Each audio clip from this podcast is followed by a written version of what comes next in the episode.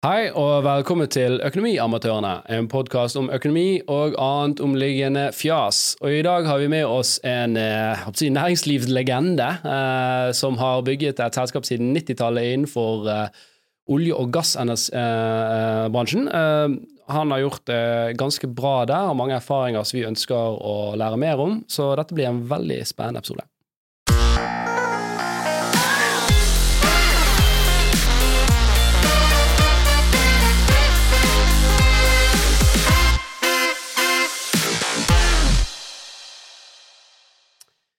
Velkommen, eh, Dag Aldal. Dag Arthur Aldal. Ja, Dag Arthur, ja. ja. Det er ikke ofte jeg uh, bruker det navnet. Jeg, jeg, vi, jo, vi, må jo bare ha en liten disclaimer. Vi kjenner jo hverandre litt uh, fra ja. før.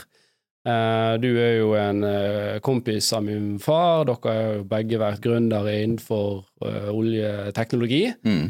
Og du er en jævel på gitar. jeg spiller i hvert fall. Ja. ja. Vi, har, vi har spilt konserter sammen, vi faktisk. Det har vi. Ja.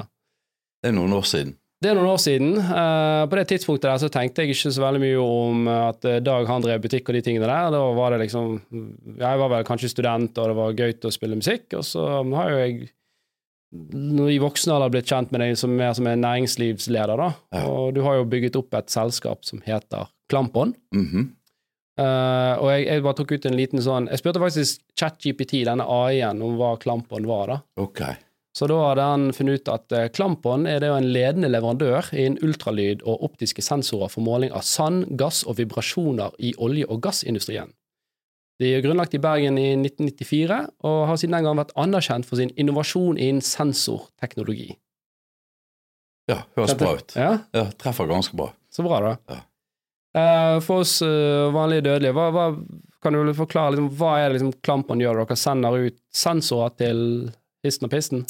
Ja, altså Det vi gjør, det er jo utvikler ultralydsensorer. Så du kan bruke olje- og gassvirksomheten. Og uh, du har partikler, du har korrosjon, vibrasjon, og du har lekkasje. Og alle disse tingene ønsker en jo å overvåke, da, sånn at installasjonene ikke bare er trygge, men at de kan maksim maksimere produksjonen sin ja. uh, fort og effektivt. Og der kommer vi inn. Så det er basically at hvis det er et oljerør et eller annet sted på mange tusen meters dyp uh, lekker eller noe sånt, eller har sand i seg, ja. eller noe sånt, så finner dere ut av det? Da må vi overvåke, og så gir vi beskjed om det. Ja. Og eh, hva var det som gjorde egentlig at du startet innenfor dette, dette i 94? Det er, jo, det er jo noen år siden, det. Eh, snart 30 år siden. Hva var det som gjorde at det ble denne bransjen? Uh, Kanskje litt tilfeldig, uh, men jeg hadde jo jobbet med ultralyd en stund sammen med Geir Instadnes, som jeg er partner med i selskapet. Og det var jo det at vi hadde lyst til å se om våre ideer dugde i, i det virkelige liv. Og at vi sjøl dugde. Uh, at vi klarte å få noe til. Så uh, hva, hva, gjorde du på den tiden da du sa du jobbet med ultralyd?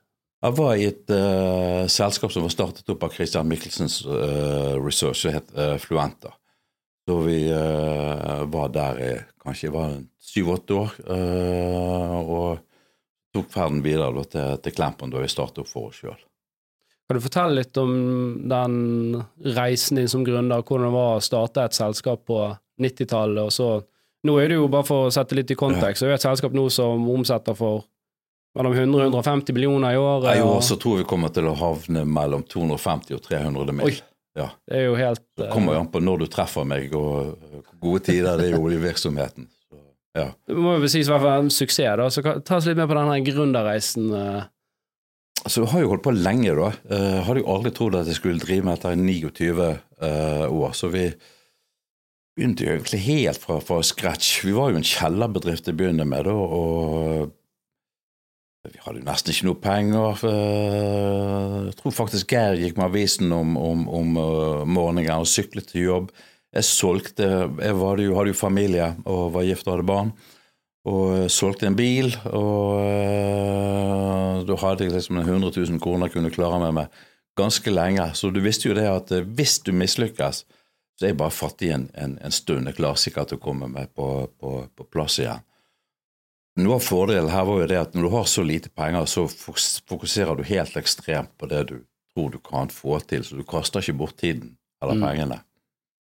Det var målrettet, da. Ja. Um, Men det, det, er jo tydelig at man tok en risiko her, da. uh, og den risikoen i dag har jo medført at man har nærmere 100 ansatte, hvis jeg ja, husker feil? Ja, noe sånt. Vi passerte vel 100 her rundt uh, påsketider. Så uh, har jo vokst på seg, så det har vært en naturlig eh, prosess. Så Vi har jo så alltid vært veldig opptatt av lønnsomhet og ønsker å tjene penger, sant? for da kan du, det gir deg frihet. Mm. Da kan du investere i nye prosjekter, ansette flere folk, kjøpe inn teknologi. Eh, og eh, hvis det var noen som Ja, du, du er mer sterk sånn rent konkurransemessig. Du kan gjøre flere ting, og det gir deg en uavhengighet som, som, som vi setter veldig pris på. Mm. Er det um, Kan du si noe om hva er det som på denne gründerreisen som liksom var utløsende for at, liksom, at nå liksom skikkelig fikk det fart? Uh? Det var jo når vi egentlig fikk testet den første måleren vår uh, offshore ute på en BP-installasjon i Nordsjøen, og vi så at det funka veldig bra. Mm. Tankene våre og det vi har gjort, det, det, det bærer frem. Ja. Og så har det vært uh, Du fortalte litt her før vi gikk inn i poden òg, at det har jo vært noen ganger hvor du i denne reisen har måttet gå ganske all in. Uh, det er jo veldig sånn ironisk at uh, det heter vel ene holdningsselskapet, hvis jeg ikke har feil? Jo, det er vel det. Mm, ja. ja. Så kan ikke du fortelle litt om det? altså Du har bygget en bedrift, og gjentatte ganger så tar man liksom den risikoen hvor du bortimot legger alt i potten ja. for å lykkes. Nei, altså, Vi har jo hatt litt ulike eierskap hos oss opp gjennom årene. Og både Geir og jeg har jo et par ganger satset alt vi har hatt for å ordne opp i ting og fortsette med eierskapet her i, i, i, Bergen. Og da vet vi jo det at nå er det såpass mange titalls millioner som du legger i potten, at ryker du, så vil det ta lang tid om du, du, i det hele tatt klarer å reise deg igjen. Hva som gir deg motivasjon til å gjøre det når du, liksom, når du har titalls millioner, og så skubber du det inn i senteret, senter der og, og flipper kortene? Det ene er jo at du har tro på det du gjør. sant? Uh, du har ståltro. Nesten helt sånn unaturlig uh, tro, vil jeg si. sant? Må du være litt naiv, tenker du? Ja. Uh, du må leve litt i bokser. sant? At du går inn i den boksen der, og så vet du at det er masse ting rundt deg. men nå skal jeg jobbe med dette, og dette skal jeg jobbe med de neste to-tre årene, og så står du på det du kan. Mm. Og ikke se deg for mye. Du, du, du kan ikke ha for mye sidesyn, for å si det sånn. Du må være fokusert og, og, og rettet. Det høres jo ikke ut som det er en, um, en sånn typisk vanlig 94-jobb, da. Så kan du si liksom 30 år som næringslivsleder og bygget opp et selskap. Hvordan ser arbeidsdagen ut, og hvordan denne, har den utviklet seg? Den varierer jo veldig, og har variert veldig over, over, over lang uh, tid. Uh, Når du går tilbake til Klempons barndom, så gjorde vi uh, Alle gjorde alt, for å si det på den måten. Og vi vasket lokalene og toalettene og whatever. Vi gjorde det som skulle til for å skulle gå rundt. Så kommer det noen kontrakter, du får noe penger, du får litt lønnsomhet, og så begynner du å, å investere, du får mer systemer og mer folk. Uh, og systemene krever jo det at du må, må endre uh, jobbmetodikk. Og når du får folk inn, så må du bli, begynne å bli god på uh, personalpolitikk. helst så fort som mulig. så derved så endrer både arbeidsinnholdet og måten du uh, jobber på uh, må bare, Du må bare justere deg etter det. Og det har jo hendt at jeg har stoppet opp og liksom Oi, uh, nå må jeg skjerpe meg. Det, det ting har jeg ikke fått med meg. Mm. Og så, ja Steppe opp et steg. I nakkeskinnet. Ja. Ja. Og det er, jo, det er jo faktisk Jeg tror det var januar først jeg spurte om du kunne være med på den og fortelle litt om den gründerreisen. Mm. og til tross for at nå er jo selskapet må jo sies å være veldig vellykket, så er du, du er fortsatt en veldig travel mann. Så det er ikke sånn at du jobber mindre. Det, det er ikke lett å finne tid eh, med deg. Nei. Det men du, du, det, det, blir jo òg et levesett. Kanskje i for stor grad, men uh, Ja, har du klart å balansere det sånn noenlunde, da, uh, tror jeg. Ja. Og andre vil kanskje si noe annet, men det, jeg, jeg foretrekker å, å, se det på den måten der. Ja. Eh, Du snakket litt om det der å utvikle seg til å få nye egenskaper som, som en leder. Eh, Kan ikke du si litt om din sånn lederfilosofi, og hvordan du liksom beholder et sterkt team og har en god bedriftskultur? Ja, du må jo ha noen verdier på plass, sånn som du ønsker å, å, å arbeide eh, etter.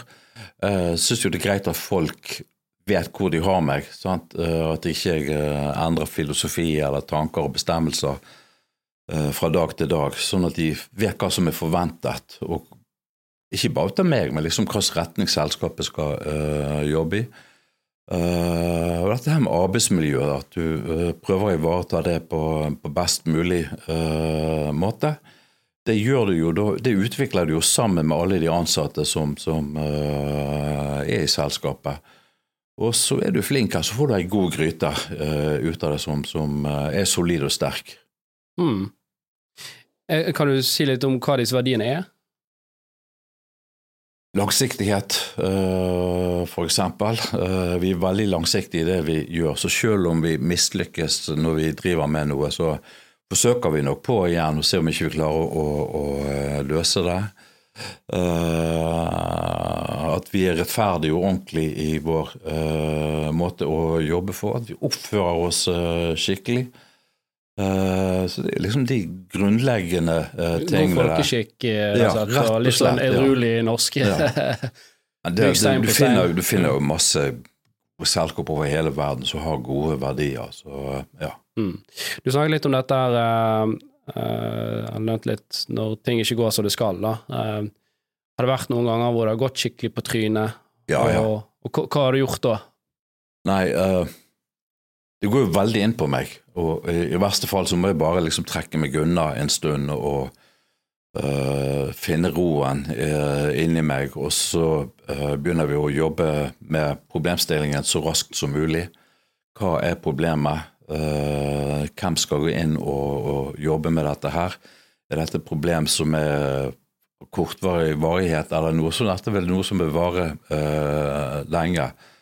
Og så står en jo bare på da, eh, det en kan, og prøver å gjøre dette på en ryddig og god uh, måte.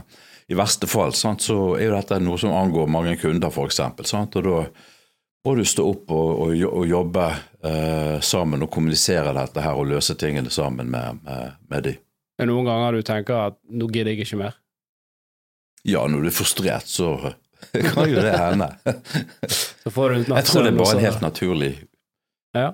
Utløfting i tankene av og til. Ja, det tror jeg absolutt. Um, du har jo òg vært aktiv, i hvert fall på LinkedIn, i denne debatten om, om skatt, Ja. um, og hvordan du som næringslivsleder og en som har skapt arbeidsplasser, um, uh, føler deg behandlet, da, rett og slett. Uh, og jeg ville bare sånn sette, for å sette sånn stagen litt, da, så tok jeg og så gikk jeg gjennom de siste ti årene, eller si fra 2011 til 2021, for 2022-tallet var ikke ute ennå. Eh, Så gikk jeg gjennom eh, eh, Klampon sin, sine, sine regnskap og så liksom hvor mye dere hadde tilført til, eh, til, til staten i form av skatter. Ja. Da. Og da kom vi fram til at i de ti årene så har dere cirka, cirka betalt eh, 45 millioner i direkte sånn, eh, skatt på resultatet. Mhm. Men så har jo dere nærmere Dere lønner jo nærmere 100 personer, så det er 60 millioner der i lønnskostnader. Så det gir jo ytterligere røftlig 8,5 milliard, Mm. million i arbeidsgiveravgift før den økte. Kan godt si milliarder. Men Eh, så, så, så ganger det ganger ti, så er det jo 85 der. Så da, da kommer du liksom til at direkte skatt som dere har betalt til staten de siste årene, er rundt 130 mm, eh, millioner. mm. Og så har du andre skatter, for du, du har jo du har jo seks millioner i lønn her, og de betaler jo òg sin skatt. Sant? Og du har jo litt i på en måte et verdi, eh, altså verdiskapningen her, eh, muligheten til å tjene penger. Mhm. Så tar du, La oss si at de betaler 30 så en tredjedel skatt, da. Så du, eh, kommer du opp i, i, i 200 millioner der òg. Så totalt eh, har gjerne Klampoen tilført den norske stat da, liksom røft regnet 330 millioner i skatteinntekter Ja. de siste ti årene. Hva tenker du liksom når du Jeg syns det er kjempebra at vi eh, betaler skatt. Og vi er med og utvikler eh, både land og selskapet vårt.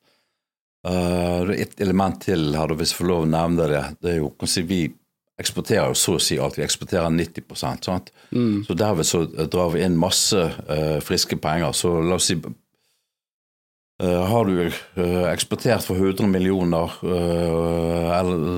så er det masse penger inn til, til, til samfunnet. Mitt engasjement i skattene, særlig formuesskatten, det er jo det at vi egentlig svekker våre egne selskaper, som vi egentlig brukte mye av disse pengene til å utvikle selskapene videre. Gjerne så vi kunne kjøpt opp bedrifter i utlandet. Nå er det utlendingene som uh, kjøper oss, uh, og de har ikke de skatteulempene som, som, vi har. Så det syns jeg er dumt for landet og for næringslivet. Mm. Hvordan syns du det har vært um, altså De siste 30 årene, har det liksom blitt verre og verre, eller har det alltid vært sånn, eller? Nei, det har jo blitt uh, verre. sant? Og Særlig igjen og etter siste regjering har uh, kommet. Det virker som ikke de tar inn over seg alvoret i eh, situasjonen. Og uh, vi bor jo nå i et land da, der vi har oljefondet. sant? De investerer ute. norske investorer de òg retter øynene ut av landet. Jeg gjør akkurat det samme. Og utenlandske investorer de snur ryggen til oss. og Det er jo ikke bærekraftig over tid. Det må vi ta inn over oss. Ja.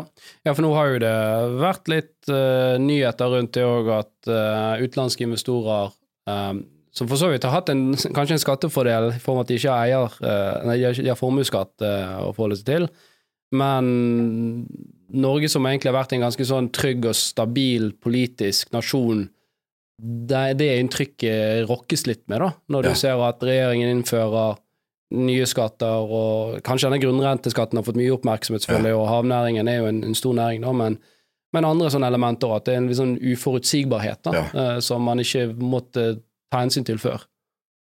Og jeg prøver jo alltid å eliminere den uforutsigbarheten, sånn at en vet at en har noenlunde trygg uh, grunn under uh, beina sine.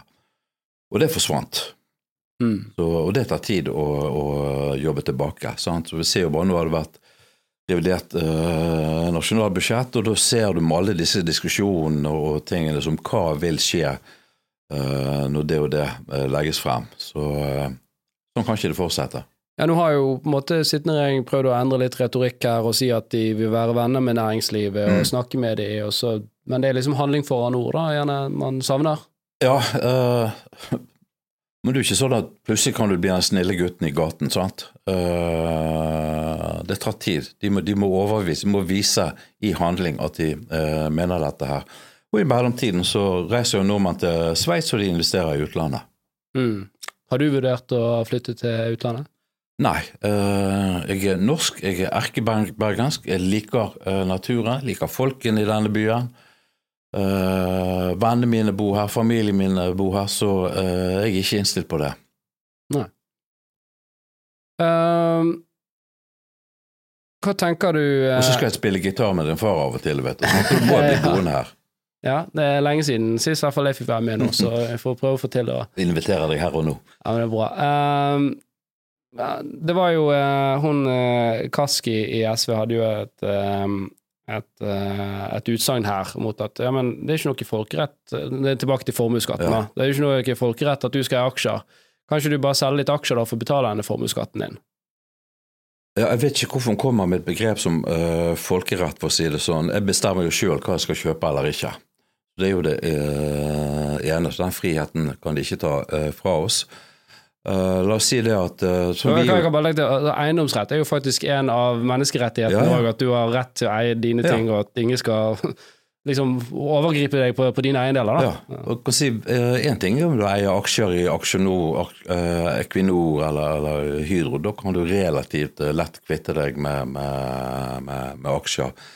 Men sånn som vi og, og dere, unoterte selskaper, er veldig vanskelig å få solgt en prosent eller to. Mm. Helt umulig.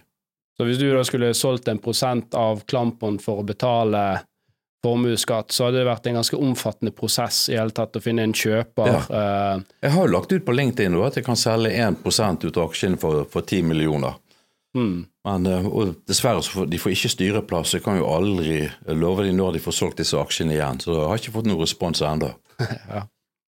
Hva, hva tenker du, er det liksom et bevis på at man har politikere som sitter i regjeringen og som ikke har hatt skoene på?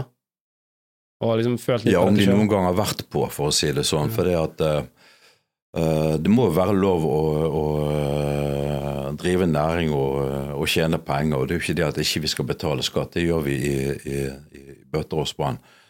Så vi må ha et aktivt, dynamisk næringsliv som utvikler seg, og da kommer det penger inn til eh, samfunnet. Det er Ja. kjempeviktig. Hva, hva tror du liksom er nøkkelen i dag da, for å bygge et uh, vellykket selskap i, uh, i Norge? Du må kunne et eller annet fag. Eh, Du må kunne eh, forstå noe om, om marked. Jeg tror du må se eh, helheter. Du må ha noe penger. Og du må ha realistiske tanker om hva du gjør. Vent litt. Realistisk.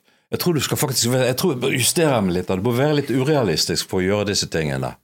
Være litt, ja, litt naiv, som du og, sa. Ja. og ja, ha litt høy tro på deg sjøl. For det er Ja. jo sånn at ni av ti selskaper lykkes jo ikke. Ja. Du må ha overdrevet tro på deg sjøl. Ja. litt uh, spissformulert. Hvordan vekter du dette med driv kontra altså, uh, kunnskap, eller, eller IQ, eller hva du vil kalle intelligens? For Mm. det er jo skala, du har veldig smarte folk, eh, så er det de som ikke nødvendigvis går høyest der, men de har et voldsomt driv. Hva er det som er viktigst for å lykkes, tenker du? At du setter sammen gode team med, med ulike uh, egenskaper, og at de teamene er enige om en felles målsetning og, og nå de, og at du har evne til å justere uh, underveis. Jeg tror det er svaret. Ja, kan, kan, kan du hvis vi dypdykker litt i det, da? For det er klart at når du starter et selskap, og du er de første tre, fire, fem, seks ansatte, så Mm. er du en kultur og en styremåte, ja. Og, og så blir du 15 ansatte, og da begynner Ja. ting å endre seg litt. Sant? Ja. Og så er det noe som skjer når du kommer over liksom 20, og så er det sikkert et nytt når du kommer 40. Sant? Altså, Ja. hvordan håndterer du den reisen? For du, du må jo sjøl gå gjennom sånne transformasjoner med deg sjøl underveis. Ja. Nei, Hvis jeg tenker litt at, at, til, tilbake, det er jo ikke alltid jeg, jeg syntes jeg håndterte dette like bra. Eh, Mm. for du lærer jo underveis uh, uh, hvordan du skal uh, gjøre ting. og du lærer jo dessverre gjennom å, å, å feile. Eh, Så det er klart at hvis jeg går tilbake til de første årene, så var det en del ting som kunne vært gjort annerledes og, og bedre. Men så tar du det inn over deg, du lærer og du justerer, og så jobber du uh, videre. Og Hvis ikke du lærer å justere, så går det jo gjerne feil vei når du opphører selskapet. Føler du av og til at du har liksom nesen litt for langt ned i grøten av og til, og du Ja, av og til for langt ned i grøten, og av og til for langt opp av grøten, vil jeg gjerne si. Så, men sånn snitt over tid, jeg tror det er mm, nesten dårlig under den skal være. Ja. Nå er jo dere innenfor eh, energisektoren, og det er jo et veldig sånn hett politisk eh, tema. Ja. det, er jo, eh, det, det er jo nesten sånn at man føler litt skam om man jobber gjerne i olje og gass i dag, for det, det får ganske mye eller du skulle tro i hvert fall det, når du ser på mediedekningen av det, at eh, her er det alle skurkene eh, er, og, eh, hvordan har du opplevd det? Ja, Realiteten er jo det at Norge de siste 50 årene har jo vært bygget sin velstand, og hele landets utvikling det har vært bygget på olje og gass. Det har gitt oss midler og finansielle muskler til å gjøre en rekke eh, ting, og derav så har vi eh, oljefondet. Eh, så hele verden trenger olje og gass, eh, men vi snakker om hydrogen og vind og, batterier. Eh, så eh, det er en eh, litt sånn schizofren eh, opplevelse. Så eh, det er lovlig det vi gjør, og utrolig mye flinke folk i denne eh, næringen her, og de er veldig bevisst både på miljø og teknologi, og, eh, så jeg er stolt over det vi gjør. Ja. Um, har dere uh, Jobber dere sjøl med omstilling til det grønne skiftet? Ja, Vi oppstiller oss hver eneste dag, for å si det sånn. Altså, Hva er definisjonen på det grønne skiftet? Vårt bidrag er jo å sikre at olje- og gassinstallasjoner uh, fungerer optimalt uh, innenfor det feltet vi er på. Så ser vi jo om eh, på, på andre områder å gå inn, men det, det tar litt tid. Du har veldig avansert teknologi som har vært eh, uh, håper jeg, rett og slett raffinert gjennom flere tiår for å liksom ha en helt spesiell oppgave, så tar det tid å omstille det til andre uh, områder. Har du veldig enkel teknologi, så tar det, tar det, det nesten bare noen sekunder. Mm. Så, så, det er ikke sånn at det bare tar disse sensorene og så hiver de på noen vindmøller og bølgekraft og uh, Det kan du gjøre, men om det er den optimale løsningen, det, det er en annen sak. Mm. Hva, hva syns du personlig da om at um nå, nå, er jo Norge, Norge er jo litt sånn unikt at du hadde for så vidt òg en regjering på det tidspunktet når vi fant olje og gass og bygde opp at mm. det kom inn et statlig eierskap som, ja. som har vært bra. Sånn, kontra ja, ja. hvis du ser f.eks. Saudi-Arabia og en del andre, andre land. da. Uh, og det var liksom naturlig naturressurs som falt i, i, i fanget, uh, påstår, for å si det på mm. sånn banalt, enkel måte. Uh, men sånn som i dag, hvor stor rolle syns du liksom det offentlige bør ha i å drive liksom, det som egentlig er næringsvirksomhet. Da. Og du spør meg å drive retningen i det. Ja. Nei, At en, en, regjering og et land tar kontroll over naturressursene, det, det syns jeg er egentlig veldig naturlig. Du har vannkraft, for eksempel, som var vel noe av det første vi, vi uh, landet uh, tok råderett over. Men når det gjelder uh, næringsliv ellers, og, og retninga næringsliv går i, så det, bør jo egentlig markedet uh, styre det. Men myndigheter kan jo gjøre det med regulering av lovverk, eller skatter f.eks., som de har gjort med, med, med, med, biler for å få elparkbil opp og gå i Norge.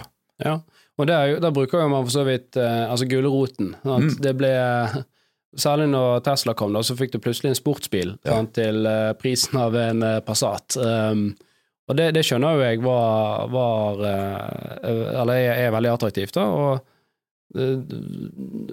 spørsmålet er jo liksom om vi burde prøvd å finne mer den type virkemidler, og ikke bare For jeg føler det er mye det stikk, det er mye pisken ja. i dag, da, for å prøve å piske dette inn i riktig retning. Ja. Ja, det er jo det. Altså, jeg reagerer jo litt på den batterisatsingen som, som nasjonen Norge gjør. der vi skal, Det er vel snakk om at vi skal, putte opp i 60 milliarder inn i, i, i batterier og, og, lage det. Altså, du, du blir aldri flink av penger. Mm. Penger er bare uh, penger. Eh, flink det er evnene dine til å omsette kunnskap og, og få energien din og se markedet. Så penger i seg sjøl, det uh, tror ikke jeg er all verdens Det er ikke det beste virkemidlet. Nei, du trenger det, selvfølgelig. Altså det, det, er mange eksempler på det hvis du ser på uh, selskaper òg. At etablerte selskaper Selvfølgelig noen av de klarer å innovere, men det, det, er veldig sjelden et eksisterende selskap liksom bare her, La oss ta nå uh, 40-50 millioner og så mm. innovere litt uh, ja. med å lage noe nytt. Sant?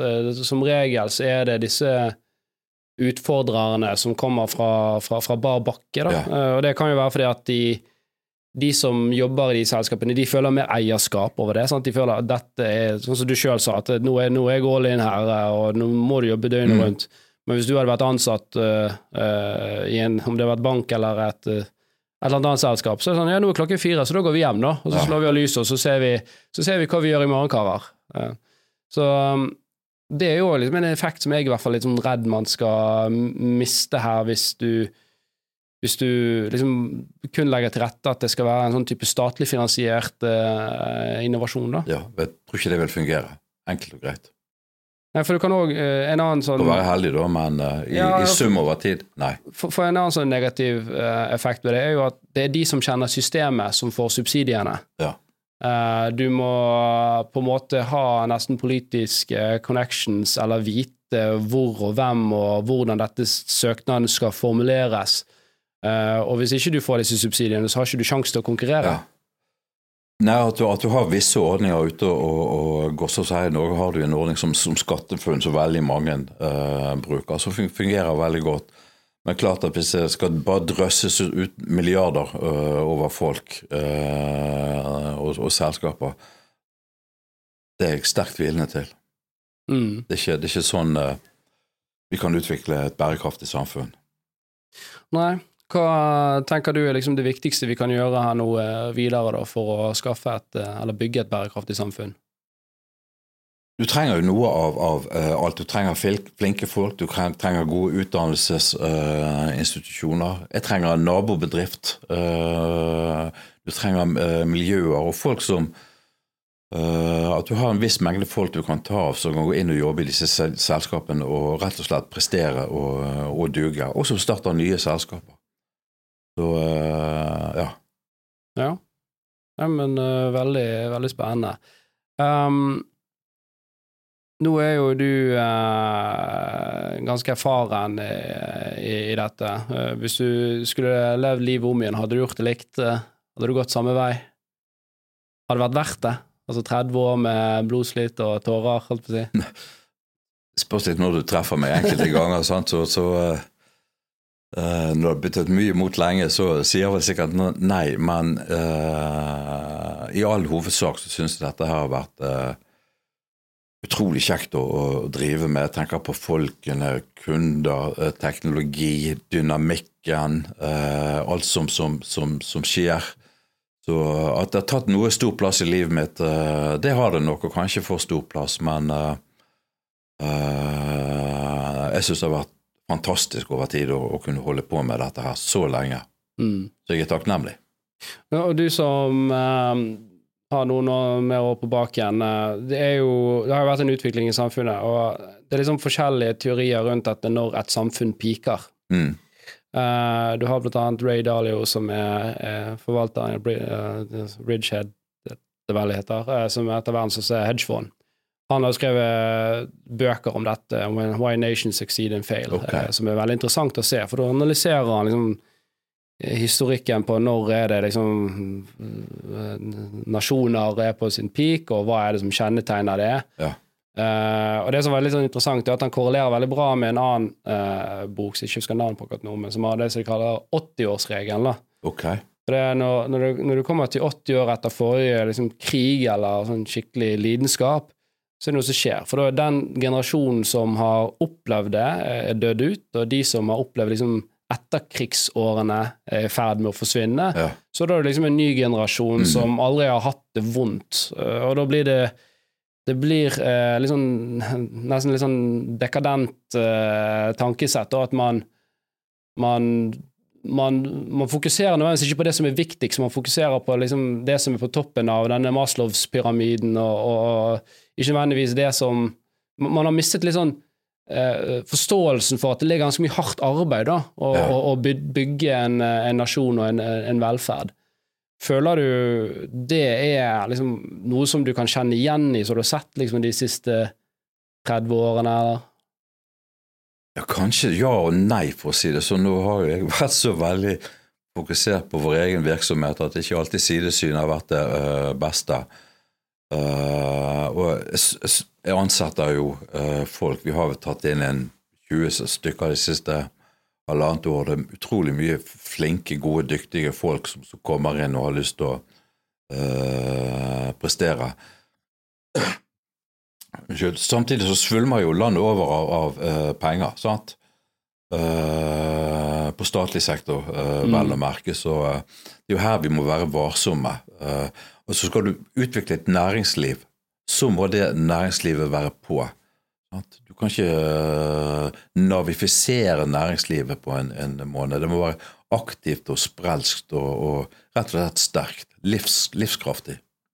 Ja, for det er jo, Vi snakket litt med Monica Mæland her om akkurat det der. at Når du får da en offentlig sektor som blir såpass stor som den er Nå er jo øh, den rundt 66% av BNP, sant? Ja. og antall ansatte i offentlig sektor vokser mye fortere enn det i mhm. privat eh, næringsliv.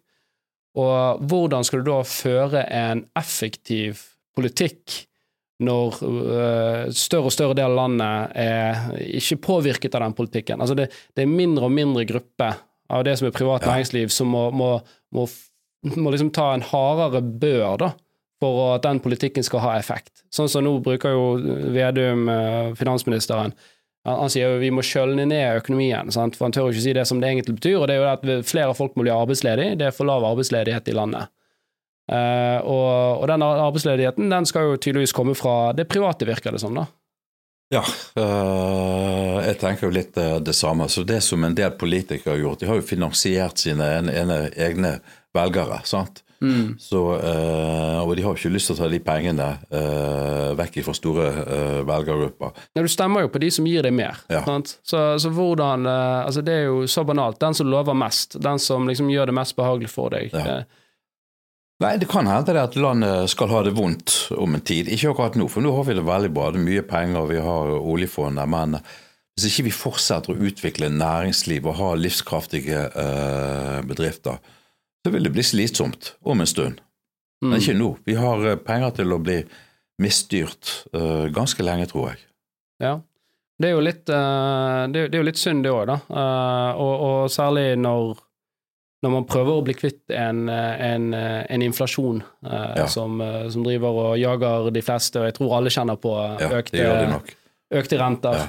Um, og økte matvarepriser, som for øvrig hadde voldsomt hopp i april nå, for Mm. nå virker det sånn priskrigen uh, uh, Disse pr- prislåsene som disse selskapene hadde i begynnelsen, den, den begynner å gå ut. da. Ja. Så dette har jo du sikkert du, altså, du er jo eh, du er jo en, en, godt bemidlet mann, da, men til og med du nevnte jo her at du hadde merket det, at du begynte å bli mer obs på disse tingene. Pengene mine det ligger jo i, i eh, utstyr og maskiner, for å si det sånn, mer enn eh, på en, en, eh, en konto. Så uh, alle kjenner jo på, på dette her, og jeg vet at Mm. ansatte hos meg kjenner på, kjenner på det uh, samme òg. Så derved får vi jo òg et, et, et, et eh, lønnsoppgjør i Norge som kanskje var mer enn hva bra eh, er hvis du ser på inflasjon. Så det som jeg har lyst til å bare smette inn med, med inflasjon, det er jo det at når de òg pøser på med skatter uh, villig vekk, så for de som, som driver selskaper og eiere, de vil prøve å, å vinne tilbake disse marginene. sant? Eh, det kan du gjøre med kostnadsreduksjon og med prisøkning. sant? Og da har du òg et, et element der inne i, i inflasjonen, faktisk. Det er jo det som er litt sånn tidlig år, for hvis du leser altså, om det er SSBs analyser og sånt, så er det som regel så står det ja, men dette, denne kostnaden kan de velte over på kundene sine. Mm. Sånn, ok, Men det vil jo bare føre til mer inflasjon. Så du får litt sånne selvforsterkende eh, effekter, da. Um, og så er det jo mye man, man kan jo også snakke om hvor, hvorvidt det hjelper dette her rentemonsteret som vi styrer med nå, hvis inflasjon hovedsakelig er drevet av, av innsatsfaktoren her, som i all hovedsak er da energi, da. Som ikke nødvendigvis eh, Det er ikke sånn at eh, strømprisen blir lavere fordi at, eh, at renten settes opp. Ja. Så. Nei, vi får se. Det, Mm.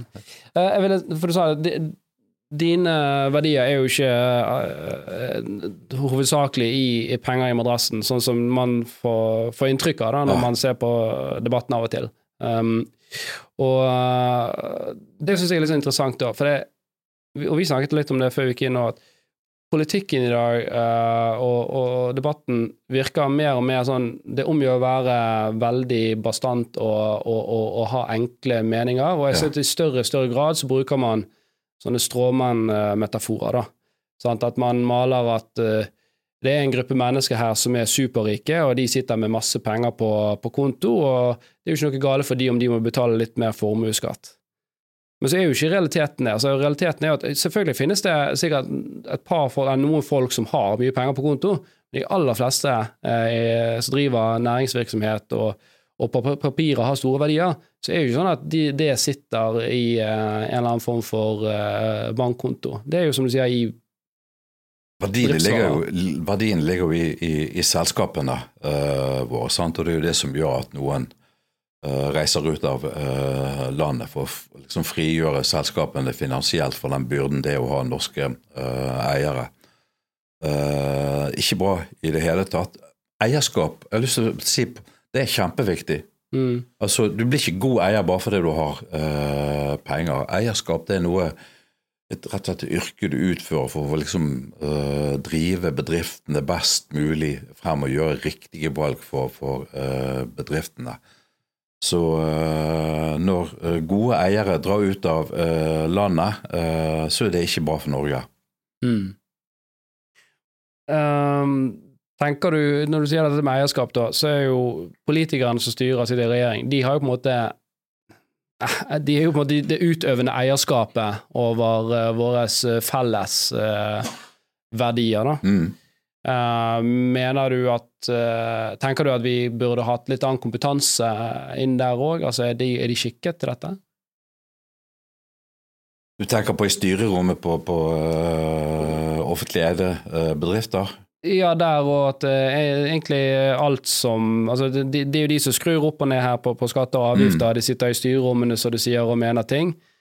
Eh, burde vi hatt eh, en annen type politikere? Altså, det er jo mye karrierepolitikere her, sant? statsvitere, sant? Som, som har lært seg på skolen hvordan ting skal gjøres. Eh, De har jo ikke vært ute i, i næringslivet sånn som vi er. Det svært få som, som har det. Eh, de utdannede eh, politikere de har eh, vokst opp i et ungdomsparti, og så tyter de inn på Stortinget etter noen år, og der utfører de sin gjerning med manglende kunnskap. Så jeg kunne aldri ha drevet den bedriften jeg driver, uten å visst hva jeg holdt, på med. Både teknologi, marked, folk. Så eh, jeg har jo invitert eh, ut på LinkedIn at jeg kan ansette en politiker. De kan få lov å jobbe så et mer i et år eller to og drive med eksport og se hvordan dette er. Men jeg har ikke fått ja uh, ennå. Så de får ikke Mæ- lønn, De får, de får den lønnen som du får i dette selskapet. Ja, Monica Mæland sa jo det, hun mente jo at eh, alle disse som er i disse forskjellige departementene, burde dra ut og liksom jobbe et par, eh, i hvert fall noen Ja. uker i året da, på arbeidsplassene her. Nei, det er ikke nok. Du, du må skaffe deg kunnskap. Det tar tid. Jo, men det var liksom for å kjenne litt på det. Ja, Men, men jeg hadde jo et annet eh, argument også vi prøvde meg på nå, og det er jo at i dag det, det, det er jo greit lønn å være stortingspolitiker, en, en million, men mm. samtidig så, så er jo det virker det som at de prøver jo å sno til seg eh, hvor de kan, altså når det gjelder etterlønninger, eh, pendlerbolig og alt dette Ja. her. Så, så mitt forslag var kanskje vi bare sier at vet du hva, nå, nå, eh, det er slutt på alle disse ordningene men blir du stortingspolitiker, så får du faktisk to millioner i lønn.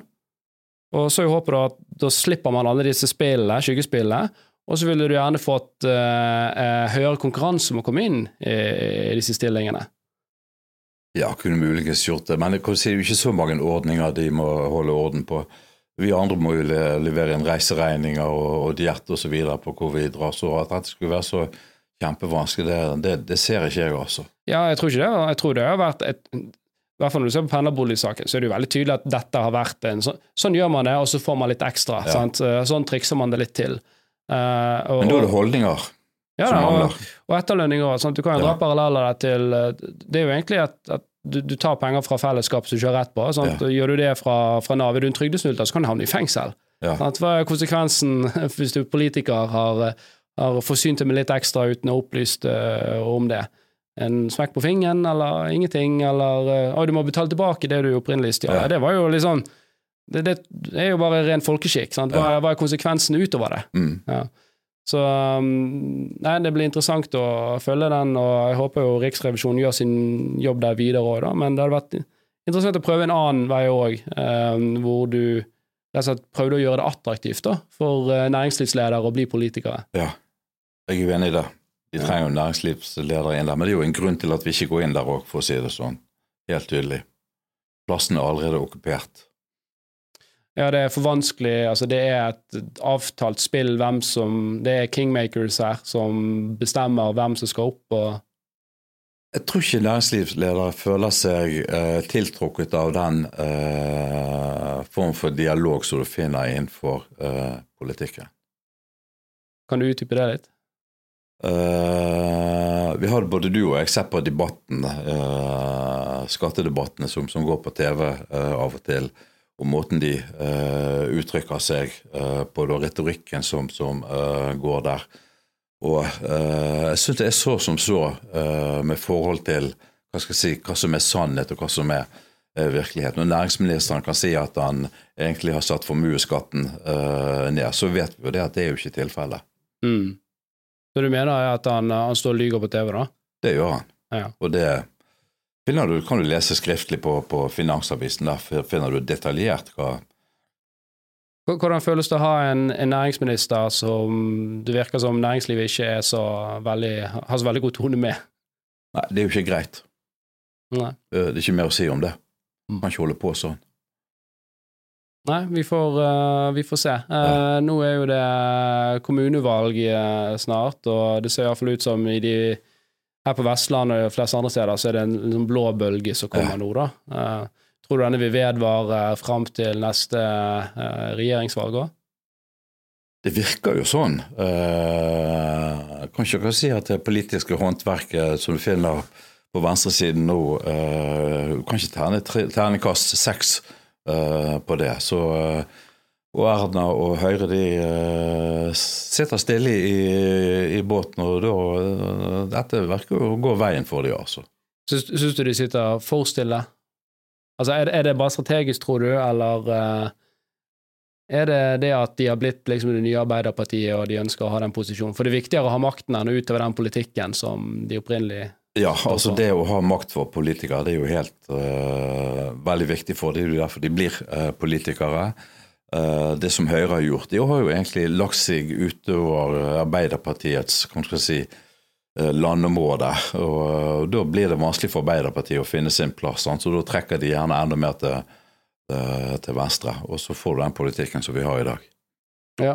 Det er merkelig at det ikke har gått eh, For du ser at det, har vært en, en klar økning i, i, Høyre, men, og det har for så vidt vært en klar økning på venstresiden òg ut i de ytterpartiene der Rødt. Mm. Men, men eh, på høyresiden ut i Frp og sånn, så virker det ikke som at det er så mye trøkk.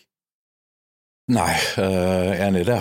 Men du har lyst til å gå tilbake til den store offentlige sektoren vi, vi har som både Høyre og Arbeiderpartiet skal uh, finansiere. Ja, for det, det er jo ikke legger skjul på det gjennom Høyre sin regjering, og så vokste jo det offentlige ja, ja, ja. grassat. Så. så. det er jo bare De holdt ikke tilbake på noe, for å si det sånn. Og, og, det er kanskje enkelt å gjøre det når du har så store skatteinntekter fra olje- og gassnæringen. Men hvis vi skal ha dette grønne skiftet, så må du snu en annen gang. Um, så nei, det blir spennende å følge med. Ja, det blir, blir det. Vi, vi, vet, vi har ikke svaret ennå. Ja. Siste spørsmål uh, uh, før vi begynner å runde av her, men, for det er jo litt sånn kontroversielt, da. Uh, men du har jo òg Det er jo liksom påfallende. Du ser at tidligere Arbeiderparti-leder Jens Stoltenberg sant, gikk inn i Nato. Gro gikk inn i World Health Organization. Mm. er det korrupsjon i norsk politikk? Altså, bistandsbudsjettet vårt er på 43 milliarder, Finland sitter til 13 bruker politikere penger her for å kjøpe seg eh, innflytelse i framtiden? Er det derfor vi ofte føler at det er en politikk som kanskje er mer vennlig mot eh, andre enn mot sine innbyggere? Litt sånn skarpt spørsmål, men uh, det er gøy. Jo, men du vi, Dette òg er jo beskrevet uh, utførlig i presse, flere, mange som skriver om uh, dette her. Så Kongen har jo liksom alt for, for uh, Norge. Skulle gjerne sett at noen politikere hadde uh, det, men de, de, liker jo å løpe rundt og denne internasjonale uh, sant? Så og vi sier ja til alt. alle EU-direktiv som kommer renne på oss.